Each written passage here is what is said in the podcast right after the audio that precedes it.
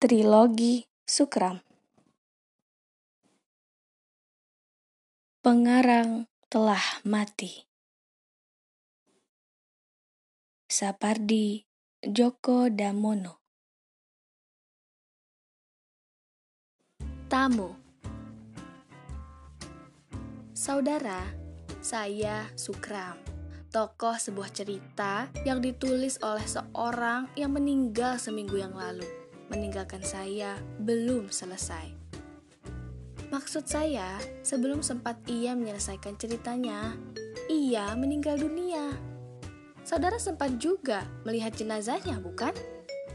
Wajahnya tentram sekali, seolah ia tidak punya masalah ketika meninggalkan dunia ini.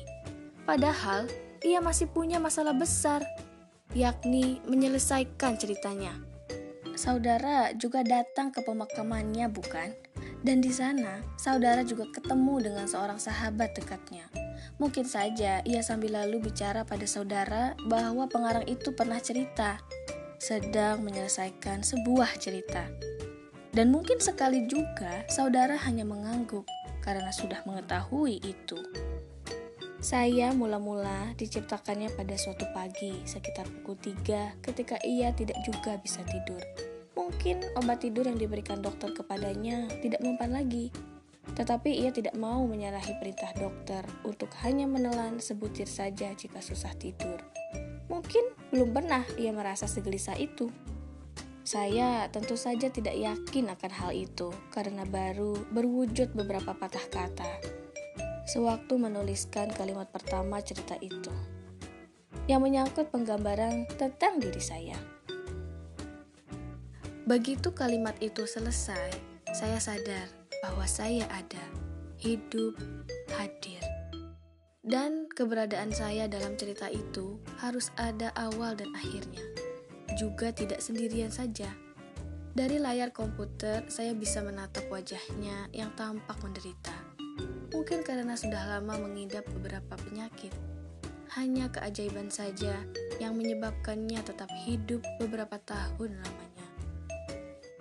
Sesudah saya dan beberapa tokoh lain dilahirkan, rekan-rekan saya dalam cerita yang masih dalam proses penciptaan itu menghubungi saya. Mereka tapaknya khawatir. Pengarang itu sudah payah sekali kesehatannya kalau tiba-tiba ia mati dan cerita tentang kita belum selesai, bagaimana nasib kita? Terutama nasibmu yang menjadi tokoh utama. Beberapa kali kami ketemu mencoba meredakan kegelisahan. Tetapi apa yang bisa dilakukan dengan sebaik-baiknya oleh tokoh-tokoh yang ditinggal begitu saja oleh pengarangnya di tengah jalan? Saya hanya ada dalam beberapa file di komputernya begitu berbagai-bagainya, sehingga saya benar-benar tidak tahu saya mau dibawa ke mana. Watak saya apa? Ia seenaknya saja memberi saya nama Sukram, yang konon berasal dari bahasa asing yang artinya Ah, saya lupa apa yang pernah dijelaskan oleh salah seorang tokoh novel pengarang lain yang pernah menemui saya. Sebenarnya apa haknya memberi nama saya? Saudara pun tidak diberi nama ketika diciptakan, tetapi sesudahnya oleh ayah, ibu, atau kakek saudara. Tapi sudahlah, apa pun nama saya, saya harus menerimanya, bukan? File-file cerita yang belum selesai itu dikumpulkannya dalam sebuah folder yang diberi nama In Edita. Saya tidak bisa ditinggalkannya begitu saja, bukan? Proses penciptaan yang tidak selesai akan besar sekali akibatnya bagi yang diciptakan, bagi saya, dan jalan hidup saya. Mungkin saja saudara mengajukan pertanyaan retorik bahwa pengarang itu meninggal dunia. Apa urusannya dengan saya? Pengarang itu meninggal, titik. Dengan demikian, selesailah segala tugas yang harus ditunaikannya di dunia bahwa cerita yang ditulisnya belum selesai, apa pula masalahnya. Saya tahu bahwa mungkin ada saja editor yang mau diberi tugas merapikan file-file itu dan menyulapnya menjadi sebuah cerita. Meskipun hal itu aneh, mana ada tokoh diciptakan oleh dua manusia? Atau boleh saja? Kalau boleh saja, saya minta saudaralah yang melakukannya. Dan lagi, kenapa pengarang saya itu seenaknya saja mati dan meninggalkan ciptaannya belum selesai? Mana tanggung jawabnya? Kalau kami berbuat salah dalam cerita yang dikarangnya sendiri, kami dihukumnya. Kalau tidak dihukum, pembaca bisa saja jadi marah. Saya kan hanya diciptakan dan tidak punya niat sama sekali untuk hadir dalam wujud huruf-huruf yang berderet rapi di halaman-halaman buku. Seenaknya saja ia membiarkan nasib saya tak berketentuan. Dan sekarang ia mati. Apa yang bisa kami perbuat untuk menuntutnya?